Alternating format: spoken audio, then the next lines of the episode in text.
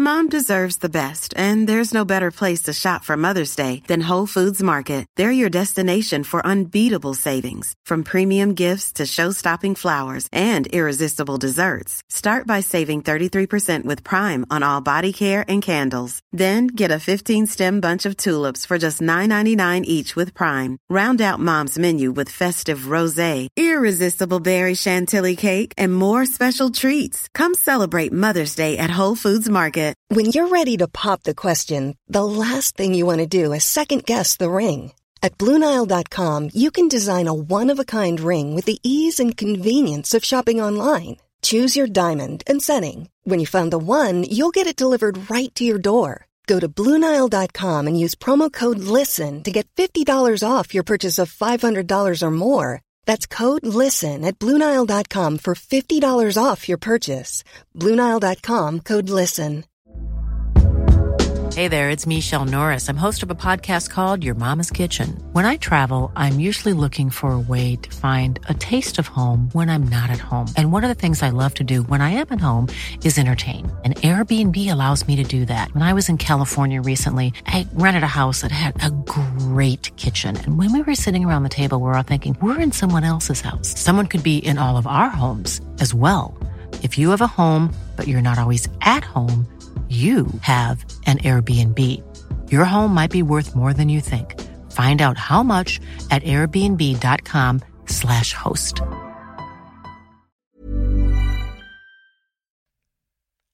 Er du klar for pod, Øystein? Ja, jeg er kjempeklar for pod. Nå eh, er det jul snart, og vi skal inn med det skumle Scootspoddens julemysterie. Ja, så er her har vi prøvd å planlegge lenge. ja. Men vi er jo dårlige på å planlegge, da. Eh, ja, vi er egentlig litt dårlige på å planlegge, og så har vi veldig masse å fortelle. Ja, det er det, vet du. Veldig mye å fortelle, det er det som er Ja. ja, det, her blir, det her kan bli spennende. Nok prat, la oss komme i gang. Vi kjører pod.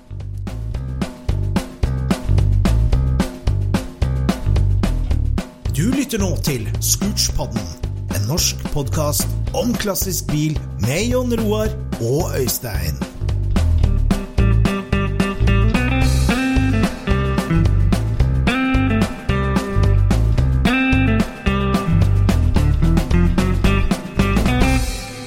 Velkommen til Scootspodden, den første og eneste ordentlige podkasten om klassisk bil og bilhobby i Norge. Hva skjedde der? Nei, nei, nei.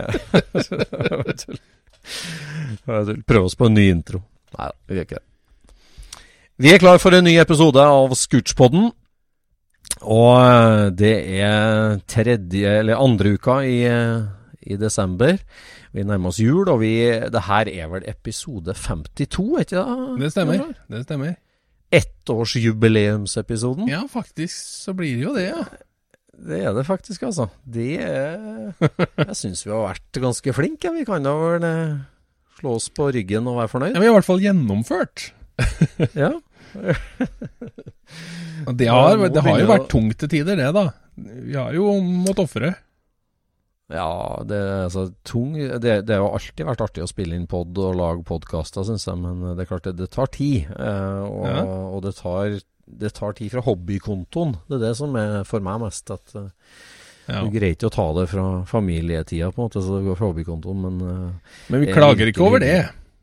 Nei. jeg ikke- skal ikke ha noe sytepod. Nei, det er vi veldig fornøyd med. Ja, Absolutt. Har du skrudd noen bil siden sist? Jeg har vel faktisk gjort det, for nå har det jo vært to episoder med gjester. Så nå har Ja. det egentlig gått ganske lang tid siden sist vi prata sammen. Du har vel slitt ut noe punktbor, vet du, da, hvis du skal dømme bildene dine riktig? Mm, nei, jeg brukte ikke punktbor på de, nei. Nei, jeg, det? eh, nei det du snakker om, er jo at jeg slakta en, en en folkvognbåndplate. Ja. En gammel en òg, som, eh, som noen hadde vært på med vinkelkutter og, eh, før. Og skamfert, vil jeg si. ja, ja. Men jeg tok Og og, parterte den. Delte den i alle originalskjøter og tok den fra hverandre. Og for dem som ikke er så innvidd i folkevogn, altså nå, nå, snakker vi jo egentlig altså, ramma, den bærende strukturen i, i folkevogn. Og mm. det er jo ikke vanlig å begynne å bore ut punktsveiseren og dele opp den i sine enkeltbestanddeler, tenker jeg da. Er det ikke? Men uh, du, tar, du, tar, den litt lenger. det er ikke det. Det er ikke det. det er få, få det av gårde til en sandblåser. Dette går fint. Ja, så det ja nei, men jeg skal, jo, jeg skal jo bruke disse røra som er inni, så jeg må jo få dem ut. Ja. Så da ble det Altså, det gikk egentlig overraskende fort å få dette greiene. Det var jo ikke mer enn var det 45 punkter per side da på den der tunnelen. Ja, det. Så det var ikke mer enn det. Men eh, bora du ut punktsøysene, eller slipa du vekk Nei, jeg den delen du ikke skal ha? Du bora? Jeg bora fra, fra oversida og ned. Ja. Det gjorde jeg. Akkurat. Må jo være noe Og da er den eh, partert og skal brukes eh, som donor til 49-maler-prosjektet. Nå tar den veldig mye mindre plass. Ja. det er en stor fordel. Ja. Og så skal vel, eh, så skal vel torsjonsrøret oppover igjen til deg, tenker jeg. Ja, det skal kanskje. Ja. Jeg trodde det. For det har ikke du tenkt å bruke? Nei, nei, jeg trenger ikke det. Nei. Det er jo helt strøkent på det du har. Ikke? Ja, ja. Nei, så jeg har jo faktisk gjort noe, Øystein. Det er jo litt moro, da. Ja, det er artig. Som ikke EU-godkjenning av transport. Ikke sant? Kommer seint. Jeg har hatt uh, ja, ja, ja. Jeg har hatt uh, rutemonteringsdugnad. Ja. Åssen gikk det? Annethvert Annenhver vår så bruker jeg å ha det, vet du. Og, og da er det de to gode naboene som jeg innbyr, da. Ja. Så nå kjørte vi bakst og kaffe, og så var det rutemonteringsdugnad. For det er, det er en tremannsjobb, altså, hvis du skal gjøre det ordentlig. Det det. Hvis du skal gjøre det ordentlig? ja, ja, ja, Så de får ikke inn ruta. Jeg snakka jo med vår gode venn eh, Anders Lettmoli i går. Han hadde jo montert ja. frontruta i splitten sin mutters aleine, han. Nei! Jo. Det går ikke an. Jo, jo, men han gjorde ikke ordentlig da, vet du. Nei. Nei, da blir det, da blir det skeiv pakning. At det Å, nei, blir nei. tettere på ei side. Du kjenner Letmoli, det var ikke noe skeiv pakning der. Nei, jeg kan, jeg kan aldri tenke meg det. Multikunstner. Nei, det, vi, vi måtte legge på litt trøkk ja, fra utsida, og så gikk det jo kjempefint med ei bakrute, og litt halvfint med ei bakrute, og veldig fint med frontruta. Ja. Men så skal jeg begynne med siderutene, og der hadde glasskjæreren min eh, ganga opp malen med 105 Ja. eh, Gjennomgående på dørrute og siderute på begge sider, så det var jo helt håpløst. Så der gikk jeg fra å være en veldig fornøyd kunde til å være en litt misfornøyd kunde. Det er rart med det. Ja, det er det. Plutselig, det når, når glass ikke passer, da er det på en måte ikke noe å ha. Nei, det er ikke det. Her var jo herda 5 mm. Jeg har styra så mye for å finne herda helt hvitt og 5 mm tjukkelse og fint slipte kanter. Mm. Og så fant jeg en leverandør som var helt konge på det, da, men eh, det var bare feil rute. Må være litt for raus. Ja, det var det. Så det er ikke noe særlig å slipe på ellers. Nei. Men nå skjedde jo det kunststykket, da, skulle vi si, at uh, nå er også hele Tysklands uh, sommeren vår utsatt et år.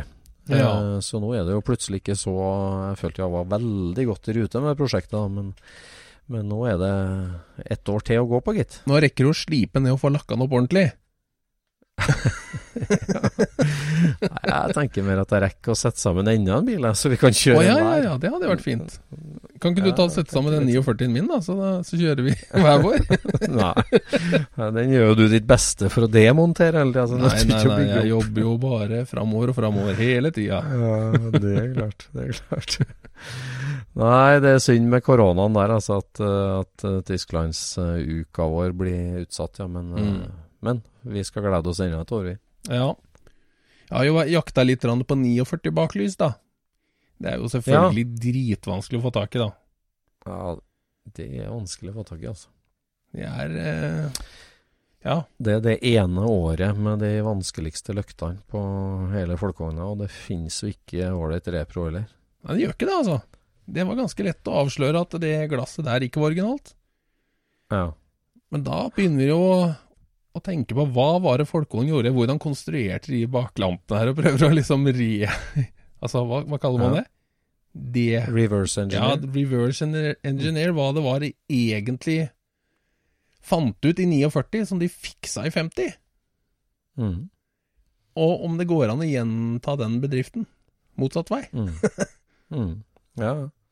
Det blir spennende. Nei, ja, det blir spennende. Det blir spennende. Det, jeg gleder meg til du begynner å bygge opp. Så langt så har det jo bare revet ned. Men nå Det er sant. må det vir virkelig begynne å sveise sammen og bygge opp. Det blir bra. Mm.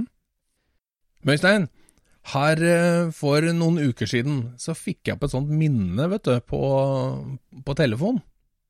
Ja. Der var jeg ikledd flytevest i en liten båt på et vann i Buskerud i november. Oi, oi, oi, oi, oi, nå Vi kommer til det. Ro deg ned. Vi kommer til det. Vi kommer til det. Ja, ja, ja, ok, ok, ok. Ellers, hva som har skjedd i uka her og siste par ukene Det var veldig artig å snakke med Ronny Krabberød. Ja, det var moro. Og vi har flere gjestepodder liggende på tape, så det er mer å kose seg med utover vinteren òg. Mm. Det er bra. Og så de siste dagene nå så har det jo eksplodert en Porsche-historie litt på nettet. da. Jeg tenkte jo det var en veldig utdebattert historie, egentlig. Men Ja. uh, alum aluminiumskupeen som uh, endte opp eh, på Tingvoll, Ja. og som senere eh, nå da er i USA, eller i Østerrike, da. Og Den historien må vi ta en gang. Ja, den må vi ta en annen gang. Det er jo en artig artig sak, det òg. Ja, det er jo det. Men det var en Men det er som du sier, det er, ikke noe, det er ikke noe mysterium. Nei, det er ikke noe mysterium. det ikke det. Men hvordan går det med, med, med Patreon? La Patreon! Patron uh, Nei, det tikker og går, vet du. Ja. Vi fikk jo inn uh, Kjell Terje Trones. Ja. De, Gamle slabbedasken. ja, ja. Han kaller seg Slabbedags, og ingen tror at vi kaller han for det. han kaller seg det sjøl, han. Kaller seg- det sjøl, han. Det gjør han helt greit sjøl, da. Han er jo en gammel folkevognentusiast og modellbygger ekstraordinær. Ja, det gjør han. Og da snakker vi plastmodellbygging. Ja. Plastbyggesett. Ja. Custom-biler. Jeg har vært hjemme i leiligheten hans og, og sett på at han har jo et rom helt fullt, vet du. Ja. ja, det har han. Har jo foreslått at vi skal lage en uh, Scootspod-episode om Revel og monogram. Uh, Ja, det syns jeg godt godt vi kan gjøre. Ja, vi, Det det, synes er jeg absolutt. altså. Det er mange i vår generasjon som har et forhold til det, så det må vi gjøre. Ja. Hva er det plastmalersettet du husker best fra din karriere? Åh, hva var det da? Det var vel en sånn eh, BMW 3 liter CSL, heter den vel? Jaha. Ja. Som jeg gjennomførte en veldig mislykka taksenking på. Oi, ok. okay. Ja sånn, jeg angra etter to timer, tror jeg. Åh, det er fælt, da. Sett kniven i stolpene og kutt løs. Ja. Så endte jeg opp med at jeg måtte korte den inn nå, da, for å få taket til å passe. Ja, det måtte Det var liksom, ja, faen meg. Ja. Det blei ikke noe høydere. Ja, ja, jeg har eh, Jeg tror det heter Revel-kit, men det vil vel han uh, vår venn uh, Trones uh, arrestere meg på, da. Men uh, For jeg fikk jo som kjent en 28 mile Ford Feiten til dåpsgave. Mm. Og så var jeg litt opptatt av når jeg skulle bygge plastmodellsett, så skulle jeg bygge modell av bilen min, mm. liksom. Og det nærmeste jeg kom, det var en Revel, tror jeg da, 27 T-Ford, T-Ford Touring heter jo den da. Ja. Eh, Den var jo ett år eldre, og for dem som kjenner Ford, så er det jo en verden av forskjell fra 27 til 28. ja, men jeg ser på Facebook at det, det er ikke så nøye akkurat hvilken modell og hvilket år det er. Det, det bare det Ja. ligner, så kan det komme forslaget. Ja, det der er min fanesak, altså. Det, der, er- det er så fælt. Hvorfor kan, når folk legge ut et gammelt familiealbumbilde, hva slags bil er dette? Da er det tre nettroll som alltid svarer Nett- det er en A-Ford. Det ligner på en A-Ford. Nettroll, ja. Jeg kaller dem det. Du kan ikke foreslå A-Ford til alle førkrigsbiler hver gang. Det går ikke an, det. Nei. Det- Ja, A-Ford er kanskje eneste modellbetegnelse du husker på, men eh, før krigen var det mange flere bilmerker enn i dag. Så det bare Men nå tar jeg og trykker på den blanke knotten, og så får jeg femmeren min ut igjen. Ja, unnskyld. greit, greit. ja, Angreknappen. Ja. Ja, er det noen flere på Patron-lista? Ja, Stefan Persson. Ja. Stefan den Persson, ja. En av første eh, svensken ja, den første svensken, ja. Som er patron. Han er antakeligvis ikke den første svensken. Nei, Det var Gunde Svan. Nei, eh, han var jo eh, Han er jo Barba-pappa pappa Ja. Racing. Ja. Og den- han driver jo bygger han, Altså, han er jo en mann etter min smak. Da. Han bygger jo da en ordentlig Hva skal vi kalle det? Det blir en sein 80-tallet, tidlig 90-talls sånn versting Calluc clean-versjon. Altså, han bygger sånn som man gjorde rundt liksom eh, drømmebygga rundt 91, liksom. Hvor alt var cleant, hvor det ikke var fordeler, det var ikke, det var ikke forgasser, det var ikke noen ting på motoren, ikke sant? Den var bare helt, helt klint. Sånn bygger han i dag. Han Han bygger en sånn nå, da. Gjør det? Det er liksom sånn, der, eh, sånn way back-maskin, liksom. Altså det er en tidsmaskin eh, Ja. til det punktet i tida. Og det liker vi jo godt. Det er første gang jeg hører egentlig om at altså, du, altså, å restaurere gamle sånne 90-tallslukkere er det jo flere som har gjort, men Mm. å bygge en helt ny en i den retrostilen, da, 91-retrostilen, jeg har ikke hørt om det, men det er jo kanon, da. Ja, det er artig. Artig. Ja, Og folk som holder på i garasjen, de kan høre Scootspod. ja det er Scootspod. Ja, det har jeg gjort. Så jeg synes jeg har faktisk modernisert meg veldig i verkstedet. For nå skal jeg høre litt mer podder, har jeg tenkt. Ja, jeg så det. Så nå har jeg hatt storopprydding i deler av verkstedet. Du er jo snart inn på 2000-tallet. Du har utstyr i verkstedet. Ja, jeg finner jo det. Så nå kasta jeg ut eh, CD-spilleren og FM-radioen. eh, og noen svære monsterhøyttalere. Uh, kasta jeg rett og slett ut, donert til en lokal PV-garasje. Det er en unggutt som driver der. Ja. Og så er jeg inn med en sånn Bluetooth-høyttaler nå, så nå skal jeg høre både radio og podkaster på Bluetooth. Ja. Så jeg tror det blir bra. Det ble jo så mye mer plass, vet du. Herregud, to sånne 40 ganger 40 cm høyttalere delvis oppå benken og den ene, da. Så plutselig har jeg jo så mye benkplass. Ikke sant? Så det var helt konge. Ja. Og sistemann med på lasset, det Ja. er G-racing. Oi! G-racing, Erik Dahlberg, vår gode venn. En legende. Det var, det var hyggelig riktig. Ja, det var stor stas. Det var det. Det var, det var veldig hyggelig. Akkurat. Jeg trodde han var helt over i båtdroget for tida, men Ja, jeg husker jo jeg var innom Erik Dahlberg eh, en gang for mange år siden. Det er sikkert 10-12 år siden. Da var vi inne på, på verkstedet der han bygger motorer for eh, Ja, den gang så bygger han jo for motorer for hvem som helst, men nå er det vel eh, egne prosjekter og, og kompiser, tror jeg. Mm. Ja, Men da som- hørte ikke han noe Scootspod. Da, da hørte han italiensk pop. Sabrina? Nei. Nei, det var ikke Sabrina. Jeg tror det var mer ukjent enn det. Men, men det, jeg syns det var kjempeartig. Italiensk. Ja, det er legendarisk verksted, altså borte på Sand eh, ved Jessheim. Han har prøvd det meste. Han har prøvd det meste, og han har hjulpet mange. altså. Det er mange som har vært dit og fått skrudd motor og fått eh, orden på ting. Mm. Nei, det var jo artig. Tusen takk til alle patrons. Det setter vi pris på. Absolutt. Apropos ingenting. Eh, det er ei eh, som, eh, som jeg jobber sammen med, som møtte ei venninne som også driver med folkevogn, da. Og hun eh, sa, ville fortelle om podden til venninna, da, vet du. Eh, Den burde du høre på, vet du. Ja, hva heter den, da? Eh, hva var det? igjen? Squishpodden?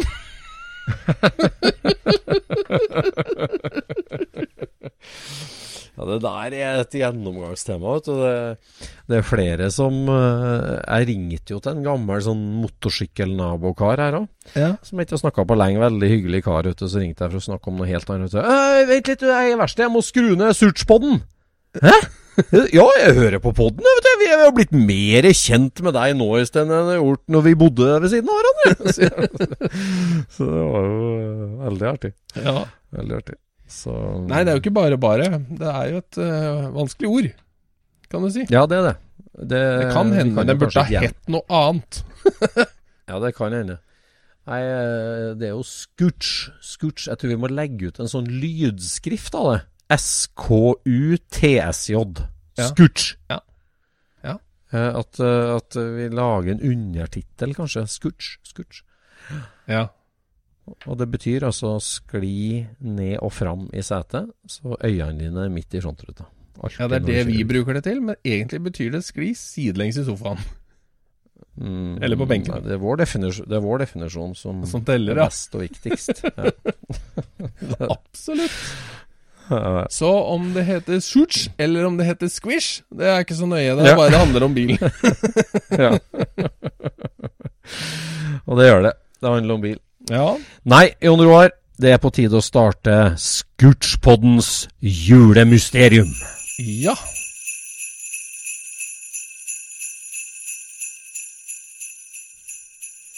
Ja, det her blir spennende, Øystein. Det her blir spennende. Nå skal vi ta med alle Scootspod-lytterne på Scootspodens Scootspoddens julemysterie. Ja. Og eh, det her er jo en eh, lang, lang historie som du har vært på sporet av i massevis av år. Åssen begynte dette greiene her, egentlig? Ja, nei, altså det her er en lang historie, og vi må jo nesten 15-20 år tilbake i tid. Eh, når, når det her starta. Og det her er jo en, en, en bilhistorie som slynger seg fra Tyskland gjennom Norge, og som har en fot i Trøndelag òg. Og det var jo når jeg fikk sporet eh, på det, at jeg begynte å nøste i denne saken, da, som har vært et stort eh, forskningsprosjekt, for å si, og et detektivarbeid eh, gjennom 20 år. Ja. Og jeg har jo bare vært med på de siste tre åra. Eh, og, og, og sett noe av dette her, og det her, det her er en historie å fortelle. Ja da, det blir jo en lang historie, så vi får håpe at uh, lytterne henger med på alle tre episodene. Men, men det her er jo en, en, uh, historieforskning, og så har det vært en sånn, en sånn jakt da, på en del element, fysiske ting og, og bilder og historier som har tatt oss rundt om i Norge for å lete etter mye ting, spennende ting. Ja. Eh, og nå er det jo liksom kommet til en uh, milepæl i det uh, historien, da, sånn at det går an å slippe katta ut av sekken. ja, nå er det declassified. Ja, jeg tror jeg får si det at det stempler. så Nei da, så det er spennende. Hvor begynner vi igjen? Ja, vi må jo nesten eh, tilbake til begynnelsen. For eh, jeg klarer ikke å fortelle korte historier, så jeg tror vi må helt tilbake til 47-48, gitt. Ja. Vi begynner der. For denne historien, den inneholder egentlig alt som en god historie skal gjøre. Det er eh, Det handler om en veldig spesiell bil. Det handler om, om et, eh, en veldig sterk norsk forankring. eh. Det handler om et, et drama og en jakt og en skatt og et Mm. mysterium, rett og slett. Og forbrytelser òg. Ja, det er mye her. Forbrytelser og alt. Det er mye. Det er gangsters, og det er, eh, det er sport, og det er penger, og det, den inneholder alt. Det er lite damer, kanskje. Lite sex, Det er, li det er litt for lite damer, det kan vi si at det er. Men, men det er likevel personlig, altså. Det er jo det. Og så er det jo eh, noe som har vært et mysterium i veldig mange år, og som, eh, eh, som delvis er løst, men som er mystisk på mange måter. Så vi håper å ta Mm. med lytterne Mm. litt på mystikken i Ja, ja, ja, ja, ja. ja. Nei, det er jo ikke noe gøy å få vite svaret før Nei. du har lurt på det. Ikke sant? Ikke? Du må jo høre spørsmålet først. Og den siste podden i denne serien slipper vi på første juledag, vet du det? Så da er det litt å se fram til. Ja, det er sant. Ja. Da kommer løsningen. Ja, ja, kommer løsningen på påskekrimmen. Julekrimmen. Julemysteriet. Mm. Ja, og dette her begynte for massevis av år siden i Østerrike. Ja, det gjorde det. Fordi at eh, folkevogn og Porsche står jo oss nært. Og jeg bruker jo å si det at jeg er mest interessert i alt som Ferdinand Porsche gjorde. Og Ferdinand Porsche døde jo i mars 51. Så, så jeg er liksom interessert, veldig interessert i alt som har med Porsche å gjøre, men som ikke har med Porsche bil, bilnavnet å gjøre. men jeg, ja. altså, ja, det blir jo litt dumt å si. Men jeg er jo interessert i det òg, men veldig interessert i alt som foregikk da tidlig tider. Mm. Og det her starter jo i mm, Altså, eventyret om Porsche eh, starter jo selvfølgelig i Gmund da i, i 47-48, Mm. når de bestemmer seg for å prøve å bygge eh, sin første egne bil med Porsche-navnet på. Ja. En av de første ingeniørene som ble ansatt hos Porsche, far og sønn, i de her brakkene fra sagbruket oppe i Gmund, det er en briljant tysk ingeniør som heter for Ernst Furman. Mm. Han Ernst- var litt av en type. Litt av en type. Litt av en type. Han var jo med og konstruerte og bygde de første bilene. Jobba på chassiskonstruksjon. Inkorporere folkevogn, hjuloppheng. eh, Først i en midtmotorbil, og så en bakmontert bil. Og så var han med på flyttelasset til Stuttgart eh, i 1950. Eh, men det han eh, hjalp til med mens de var i Gmund, var jo å bygge den der Sisitalia 360-en. Ja, stemmer. Det var han. Kompressormata Boxer Toller. Ja. Nei, Boxer Toller, var det så svær? Ja, ja. Om det, om, det, om det er en V-toller eller en, en Boxer-toller, er jeg ikke sikker på. Ja. Men det er i hvert fall firehjulstrekk, Ja. og det er kompressormata, kompressormata toller i 1937.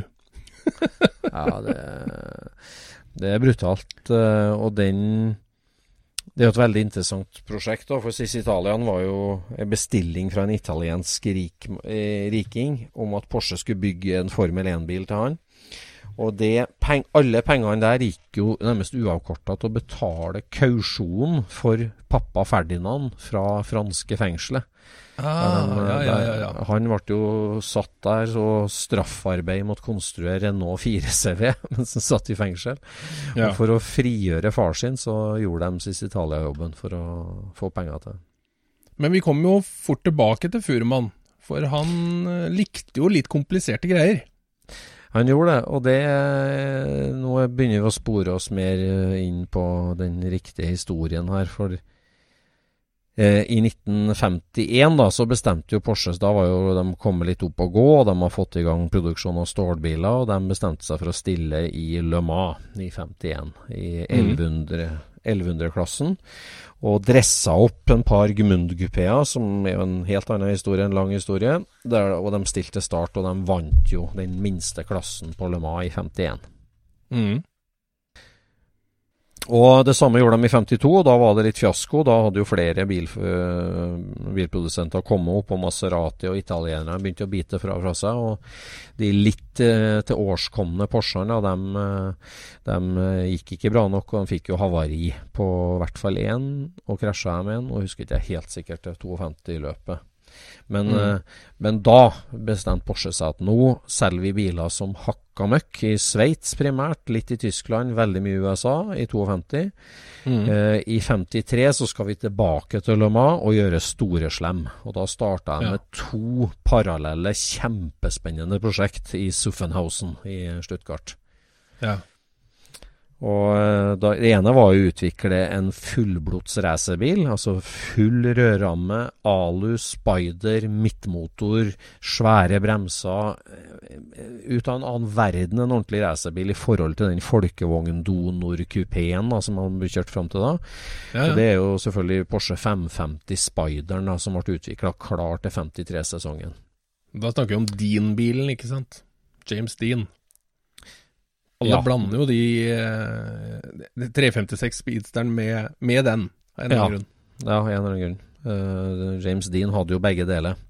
Og han Mm. kjøpte jo en av de seinere 550 Spiderne som var liksom solgt for sånn gate-banebruk. Men kan si, i 53-sesongen da, så var det jo fullblods racerbiler som bare Porsche sjøl kjørte. De stilte vel med Ja. fire stykker til start. De hadde vel en to-tre eksterne sjåfører òg. Mm. Eh, og 550 var jo en ja, datidens fullblods Formel 1-bil, egentlig. Men det er klart, den kunne jo ikke være basert på den gamle magnesiumblokka fra folkevogn, som, eh, som eh, altså bokserfireren der. Den hadde jo nådd sitt maksvolum, maks egentlig, da, med både kompressor og dobbeltforgasser og forskjellig som Porsche hadde prøvd ut. Og da var det jo Da er vi tilbake på historie, hovedlinja vår igjen, med at eh, Ernst Furman eh, fikk jo da jobben i eh, Det var vel bare rett før jul i 52 at eh, til 53-sesongen så skal vi ha en helt ny motor klar. Mm. Og da hadde faktisk han noe i skuffen, han. Ja, hadde det, kanskje? Ja, for de kaller den for en The Drawer Engine. Ja. For det var en motor som han ikke egentlig fikk lov å drømme om. Men som plutselig var helt ok når de skulle stille opp i racing.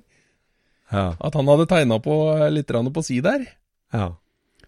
Jeg forstår som spek spekken hans var vel det liksom at det skal være bokserfirer, men utover det så kan du gjøre hva du vil. Ja, ja, ja. Og, Og det, det gjorde han. Til gangs. Ja.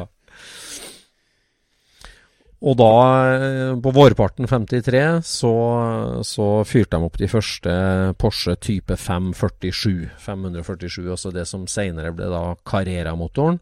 Mm. Som er jo den mytiske, den mystiske, doble overliggende kamma, tannstangsdrevet, eller tannhjulsdrevet overliggende kamma, som er jo en helt hinsides uh, motor uh, til datiden.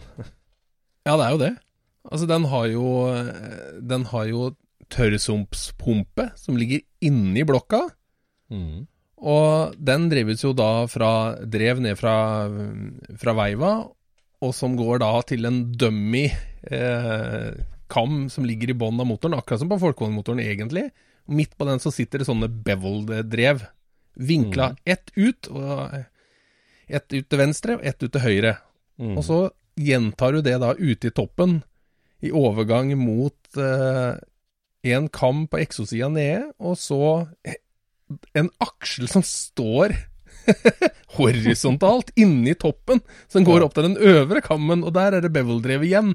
Og alle disse her sånn kan stilles på splines for å, for å time opp dette her sånn. Der er, der er sju grader forskjell, da, når du stiller de to splinesa mot hverandre i hver ende.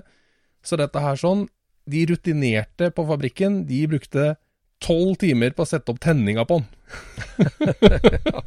og hvis toleransene var litt ute, ja, hvis toleransene var litt ute, så tok det 18 timer. så det var ikke lettbygd. Det var ikke lettbygd, altså.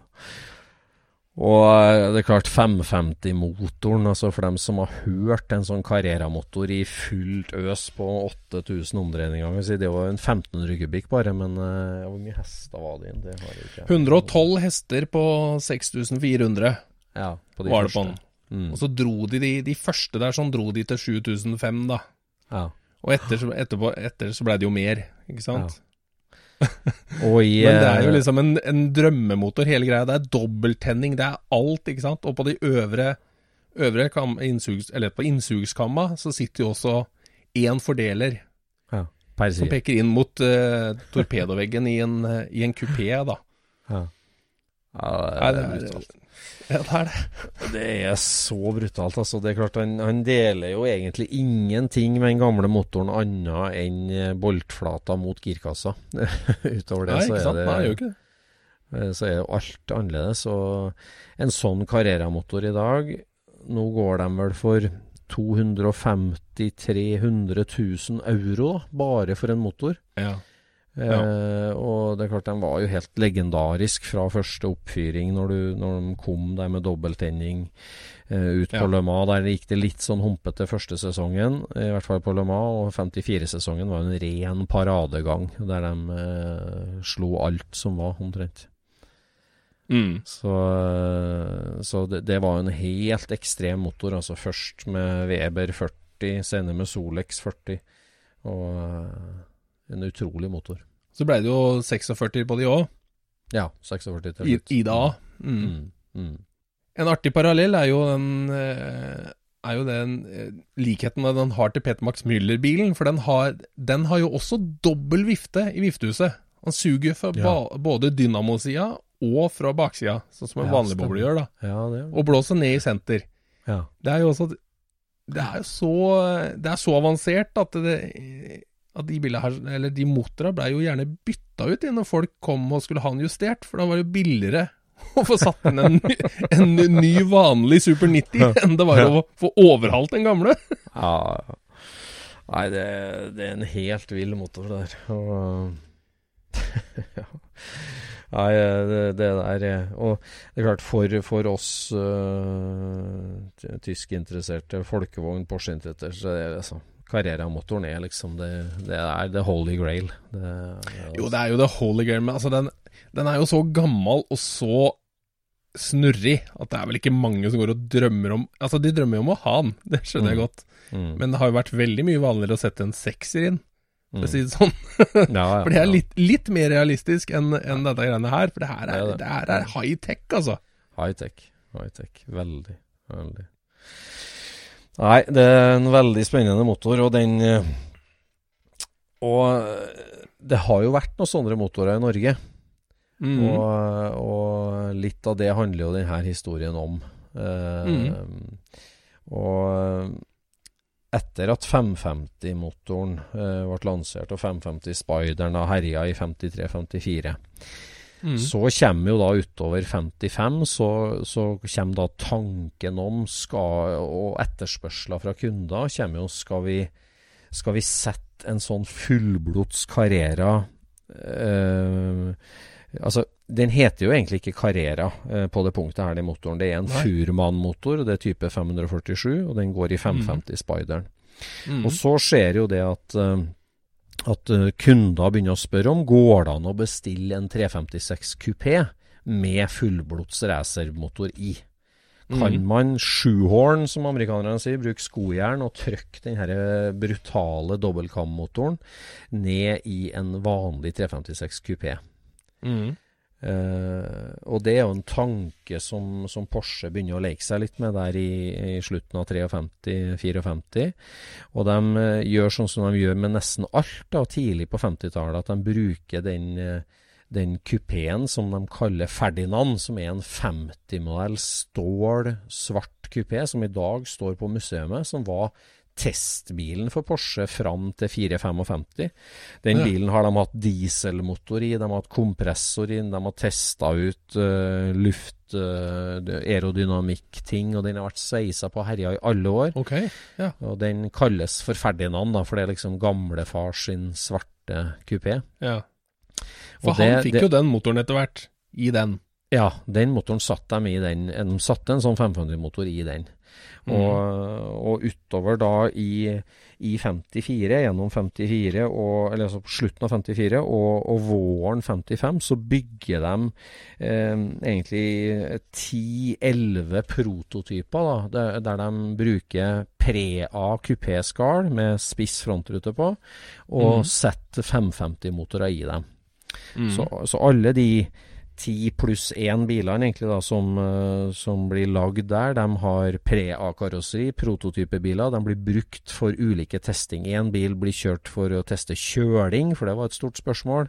Mm. Eh, de eh, tester det her med, med plass, og så få motoren inn og ut. Hvor mye blekkmodifisering må de gjøre for å få til det? Hjuloppheng, hvor mye modifisering må man gjøre der for en tyngre Mm. motor og hit og dit. Så de elleve prototypene da, som bygges gjennom hele eller liksom på foråret 55, pre-A-biler. Mm. Det er vel en av de som ender opp i Mexico, er det ikke det? Ja, en av dem ender opp i Mexico, eh, og en av dem ender opp i Sveits. Eh, og det er vel to av de elleve som er kjent og ha overlevd, så vidt jeg vet. Ja. Men den som var i Mexico, den stilte opp i Carrera Panamericana Ja. og vant. Ja. Sin klasse, eller outright? Åssen var det? Sin klasse, tror jeg, men det, det, det skal ikke jeg si for sikkert. Er Nei. for sikkert. Mm. Men det var i hvert fall der navnet kom ifra. Da blei det hetende Carrera. For da, da varmer jeg meg opp til på en måte å si at ok, det her fungerer, det går an. Og, Mm. og da kommer jo den liksom tanken at med det nye karosseriet, 356A, som mm. da kom i oktober 55. I oktober 55 så lanserer jo Porsche den helt nye Porsche 356. Da får han kurva frontrute, han får lyktene litt lenger høyere opp, han får eh, Mm. mye kraftigere støtfangere, anna lys. Det blir en veldig facelift da, i oktober Mm. 55. Mm. 56-modellen. Og da bestemmer Porsche De har fått så mye mas, de har testa ferdig, og bestemmer seg for å lansere at uh, vi lager nå 356 kupé med to-tre motoralternativ, og så lager vi Carrera, kupeen. Uh, og Da Mm. lanseres Carreraen som modellnavn i, i oktober 55. Og, og da ruller de første A-modellene av samlebåndet, og da drar de da en, et karosseri til sides og slår inn chassisnummeret og setter inn da den helt nye motorserien. Og den første bilen får motornummer 9501. Da, da, Og det var den første kundesolgte Carrera-kupeen. Det var en happy car. Det var en happy car. 19.10.1955. Ja. Og, og han eieren som da får kjøpe den første bilen, det er slett ingen hvem som helst. Eh, eh, Hans Leo von Horsch. Hans Leo von Horsch. Hans Leo von Horsch han kjørte 550 Spider han i 54. Eh, og han, kjørte, han har kjørt Le Mans, han har kjørt flere, flere løp. Og han var ingen hvem som helst, for han var nemlig sønnen til Leopold von Horsch. Og Leopold von Horsch han har en veldig spesiell tysk historie. Han var utenriksminister. Eh, eh, tidlig på 30-tallet. Da var han eh, ambassadør for Tyskland i Paris. Og så ble han restasjonert i 1933 til eh, London. Og Ja. var eh, altså, Tysklands ambassadør i London når Hitler kommer til makta. Nei. Og han Ja. Leopold von Horsch, han likte ikke Hitler. Han likte ikke den stuket som Hitler kjørte, så han var kjempegod venn med Stukan, engelskmennene. mener du? Ja, Så det han. Nei, det er ikke noe Leo. Leopold von Hors, han satt altså i, i Tyskland, nei, i London når, når Hitler kom til makta, og så hvordan han uh, rulla ut. Og når Hitler da begynte å, å, å, å forsyne seg av, uh, av naboland og uh, ja, utøve sin makt, kan du si, da så da når Hors var hjemom en tur i Tyskland da, den, eh, i april 1936, så døde han på mystisk vis på soverommet en morgen når han skulle ta på seg skjorta. Så, eh, men han rakk da å sette sin, sin sønn, eh, Hans Leo, til verden. Og han eh, har tydeligvis gått forst, forsk, ja, fordelt. Si, så på, I tidlig etterkrigstid så hadde han Hans Leo gått med penger og kjørt Porsche, og fikk Ja. kjøpe Carrera Coupé nummer én. Ja. Ja. Hva gjorde han med den, da? Var det bare cruise rundt i, på Regent Street, eller var Nei, det nei, nei, han kjørte løp, vet du. Han stilte rett til start, eh, rett til start på, på alperally i Frankrike på vårparten da i 56. Han fikk jo bilen rett før jul. Det er jo sånn man gjør, er det ikke det? Ja, det er jo helt typisk. helt typisk.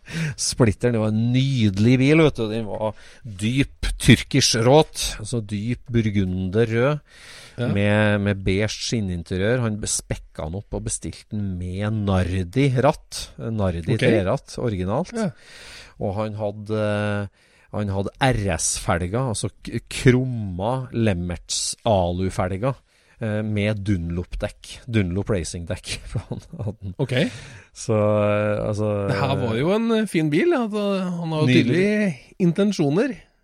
Intensjoner. Så han hadde sentermutter, alu RS-felger og Dunlop-hjul og Nardi. Så eh, han, han eh, von Hors han mente business med den bilen, altså. Ja. Og, og stilte til start og kjørte da hele 56-sesongen.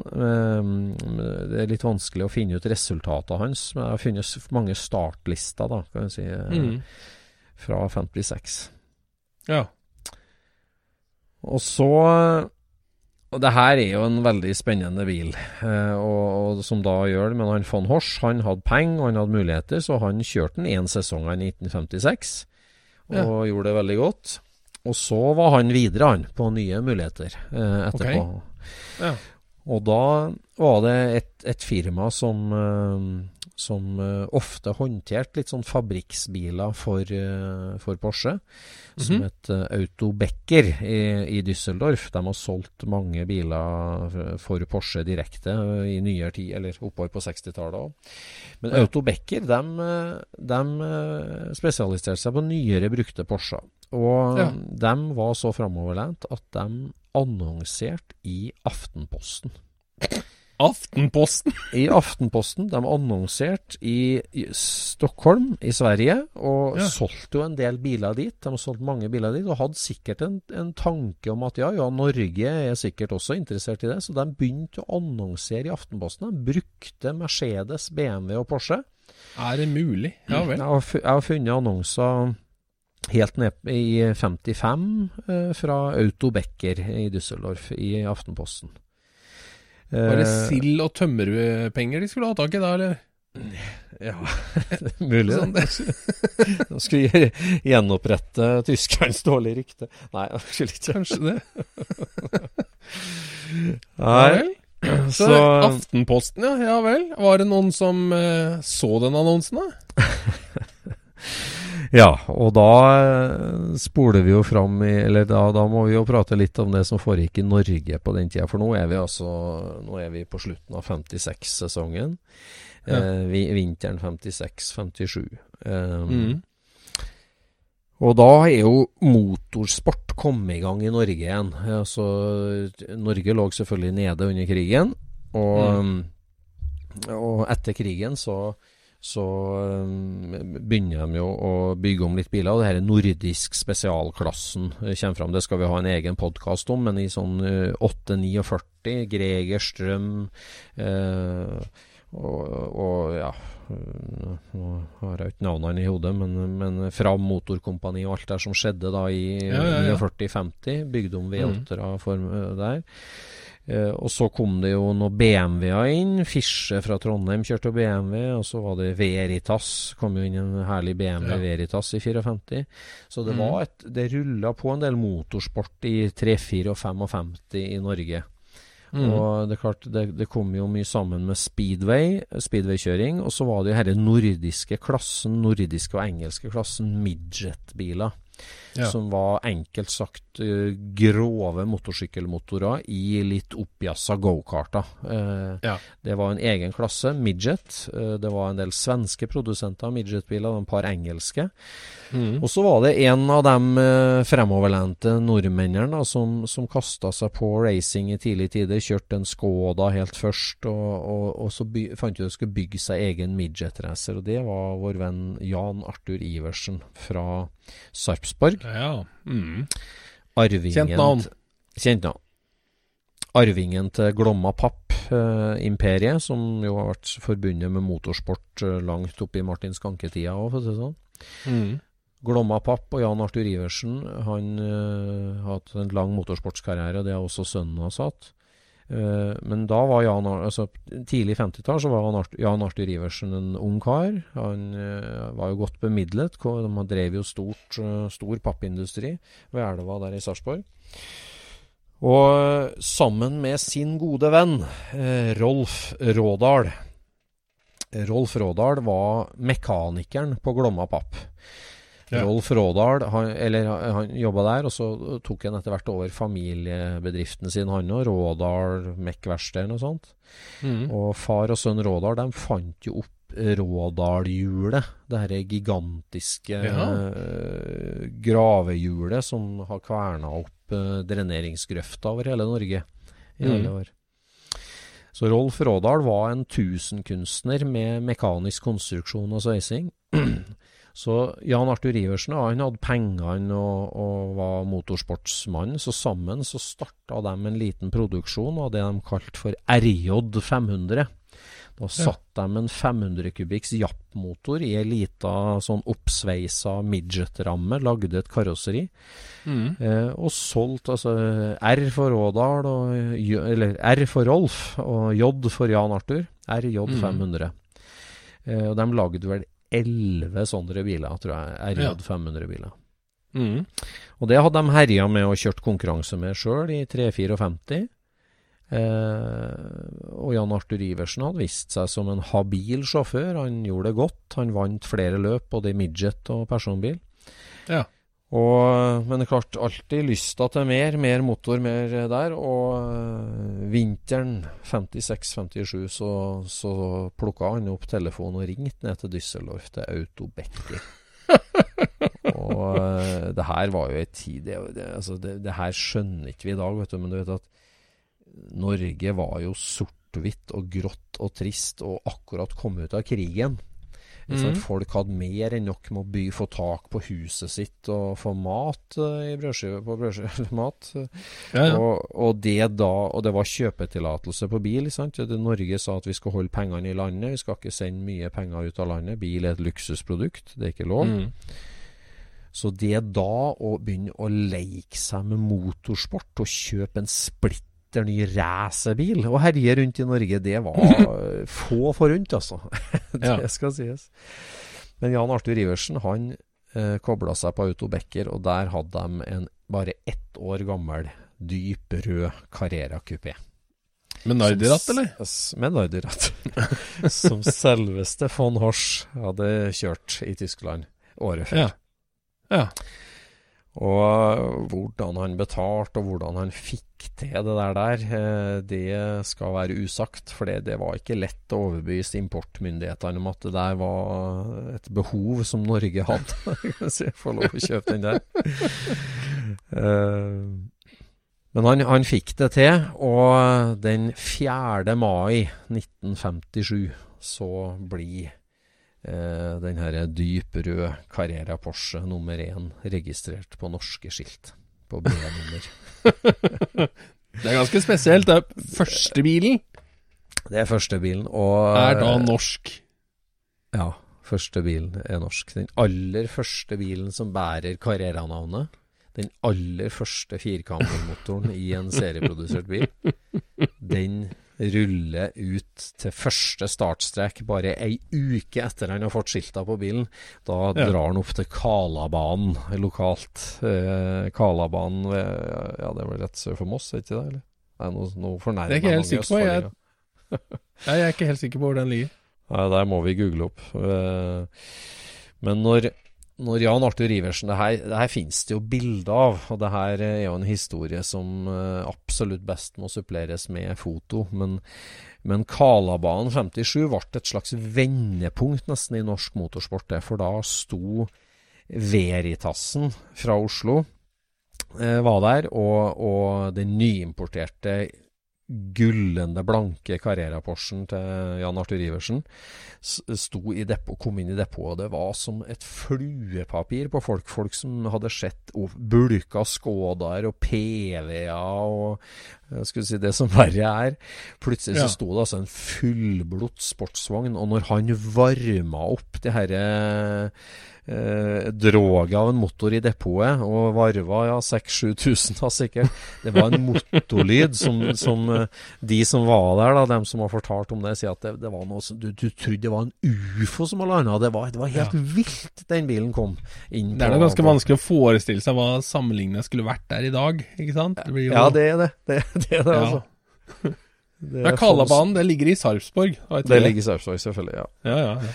Det gjør det, vet du. Og men altså Ja, hva skulle sammenligne med i dag? Det er Det er jo Veiron eller noe, jeg vet ikke. Men uh, ja, det er noe spesielt i hvert fall. Ja.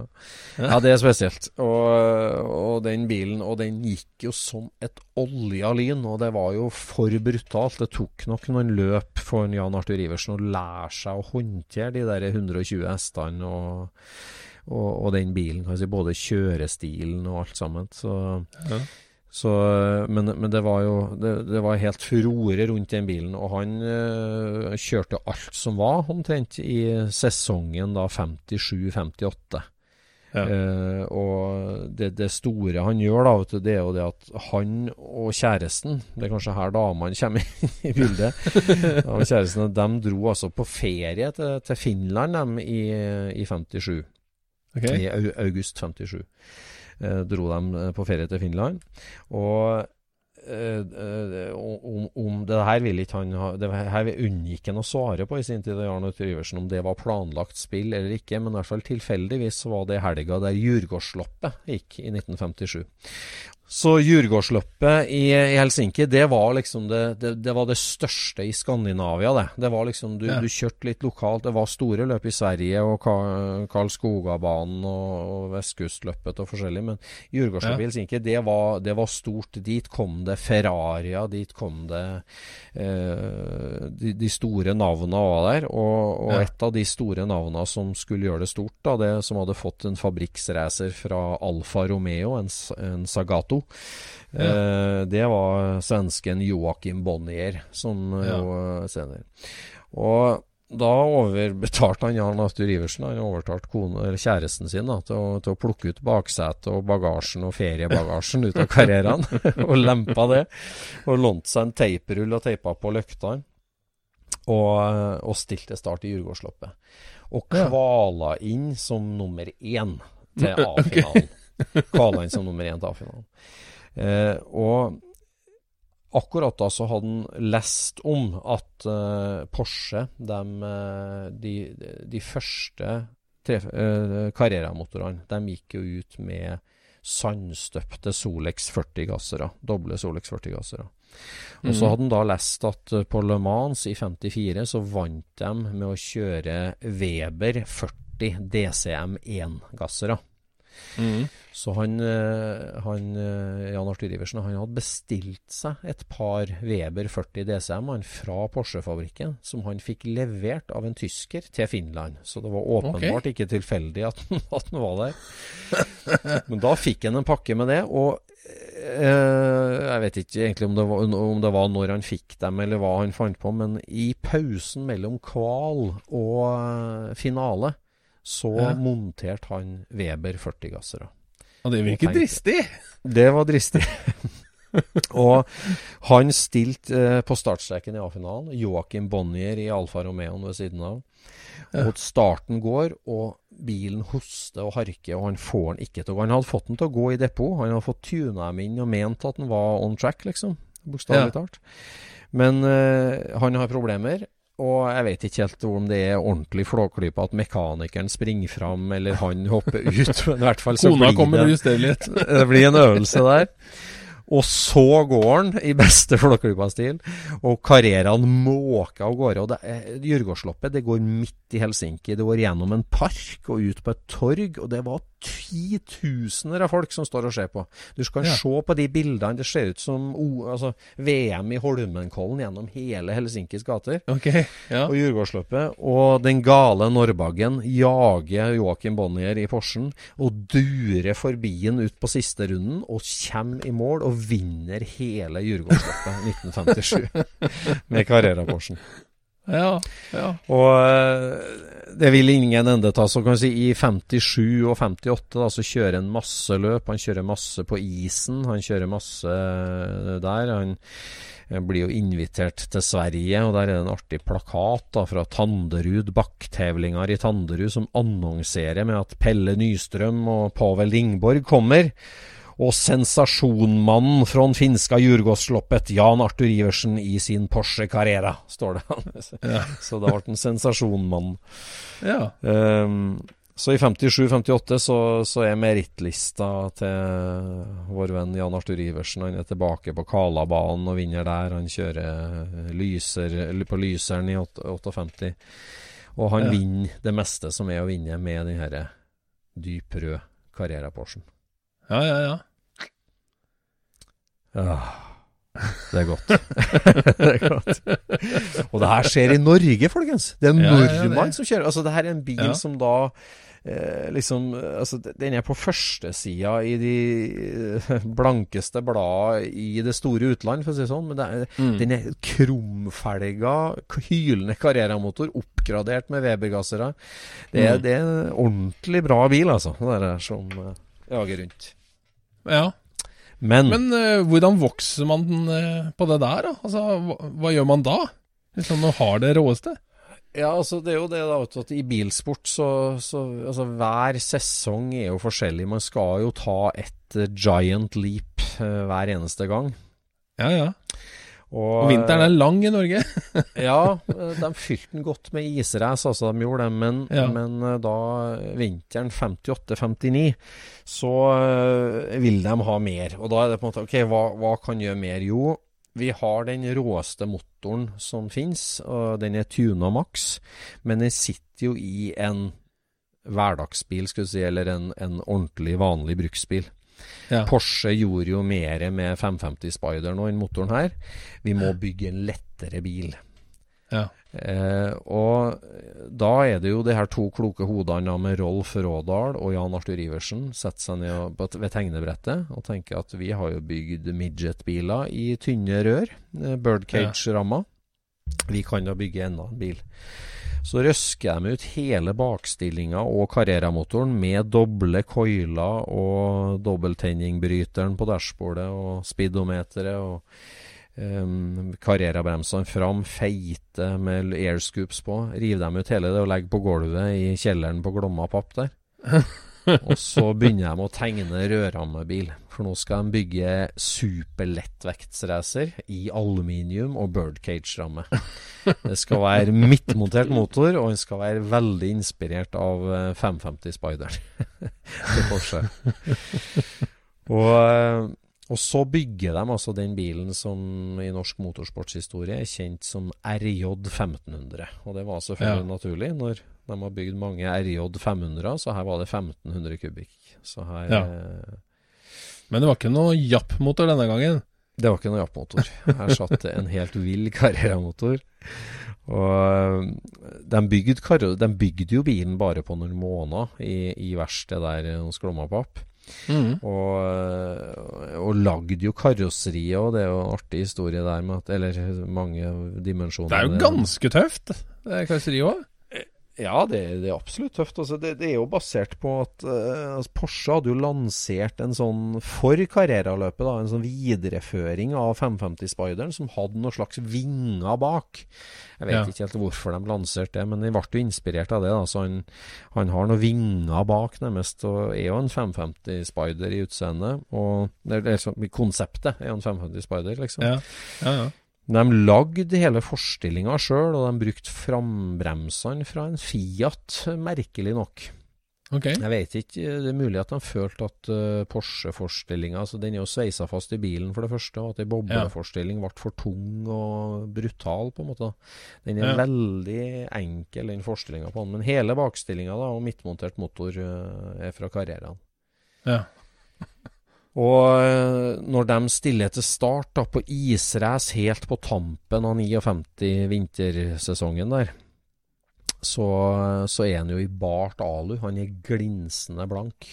Mm. Og Jan Arthur Iversen, han, eh, han, han han var en kjekkas, altså. Han, eh, Jan Arthur Iversen han, var jo, han hadde penger, han kjørte fort. Han var en ordentlig kjekkas. Og jeg ser på en del av bilder av Østensjøvannet, annet, der han kjørte eh, da, eh, litt senere den sesongen. Da kommer han altså med solbriller og designerjakke på israce.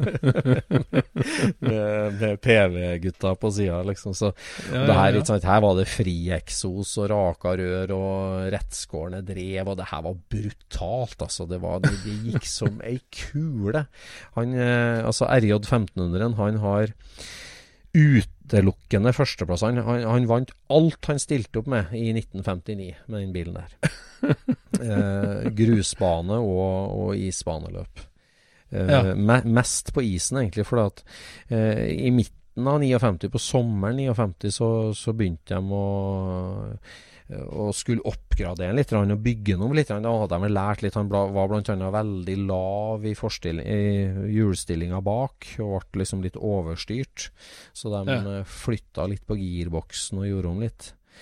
Um, og så skjer jo det da en, en sein sommerkveld på seinsommeren 59 at uh, da har de kjørt en del uh, sensommeren 59, at de, de har oppgradert den, justert den opp forskjellig, så skal de ut på kvelden og, og testkjøre den, de her to Mm. karene. Mm. Mm. Rolf Rådal sitter på, og Jan Arthur Iversen eh, kjører. Og han måker innover de østfoldske skoger på noen småveier der. Og, og får en enorm fart på ei rettstrekke. Kommer utafor med en hjul. Bilen gjør tre-fire rundkast, og ender altså opp med ræva i lyngen, rett opp etter en granlegg, altså gran, Oi. eller furutre. Han blir stående opp etter furutreet. Rolf Rådal er kast, blir kasta ut av bilen i eh, rundkastet. Og Jan Arthur Iversen han får jo da den eh, uncollapsable rattstammen rett i bringa, kan du si, og er Ja. ordentlig hardt skadd. Ja. Eh, Rolf Rådal, det, det, det er en sånn slags vandrehistorie på at det var en buss eh, som kjørte rett bak dem, som så hele fortrinnet. Der bussjåføren bryter ut i bussen til folket sånn Der styrta det et fly! liksom. Han ropte, ropte bussen. så, så var en veldig dramatisk endelikt der. Så, og han får dratt den ut av vraket. eh, en Rådal krabbende og uh, får sendt av gårde De havner på sykehus begge to. Ja. Og Jan Arthur Iversen han, han blir liggende der lenge på, på sykehuset. Ja. Og når han våkner etter mange operasjoner og sånn, så sier kona at du får aldri sette dine ben i den bilen noe mer. Den skal selges, sier hun. så det ble en eh, veldig kort sesong, og det ble jo starten på en litt lengre pause i bilracing for Jan Arthur Iversen. rett og slett. ja.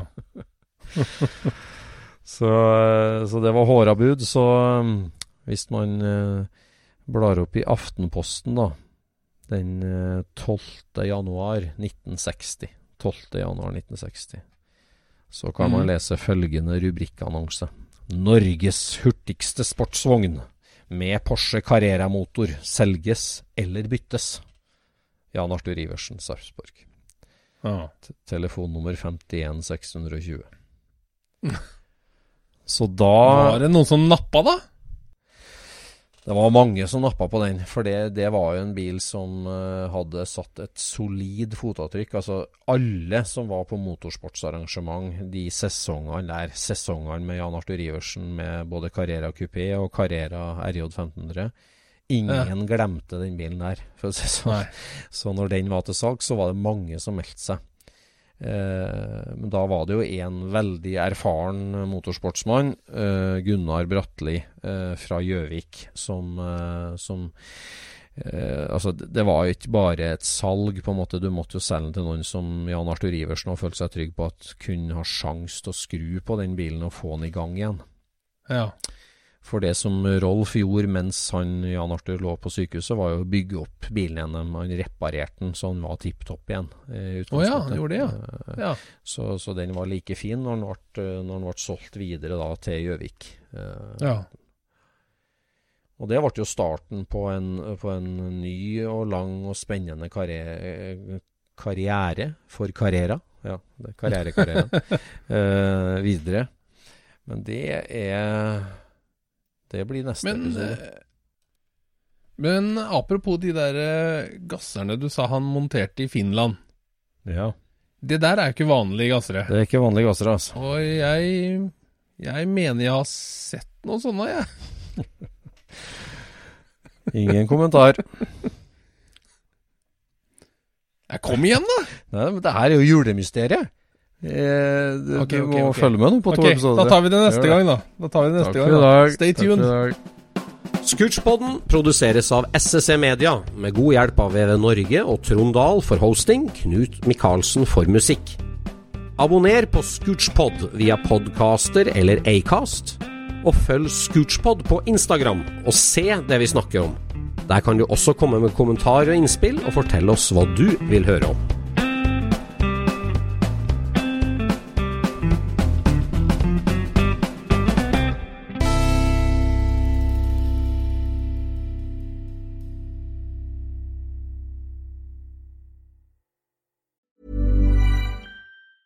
Planning for your next trip? Elevate your travel style with Quince. Quince has all the jet setting essentials you'll want for your next getaway, like European linen, premium luggage options, buttery soft Italian leather bags, and so much more. And is all priced at 50 to 80% less than similar brands. Plus, Quince only works with factories that use safe and ethical manufacturing practices.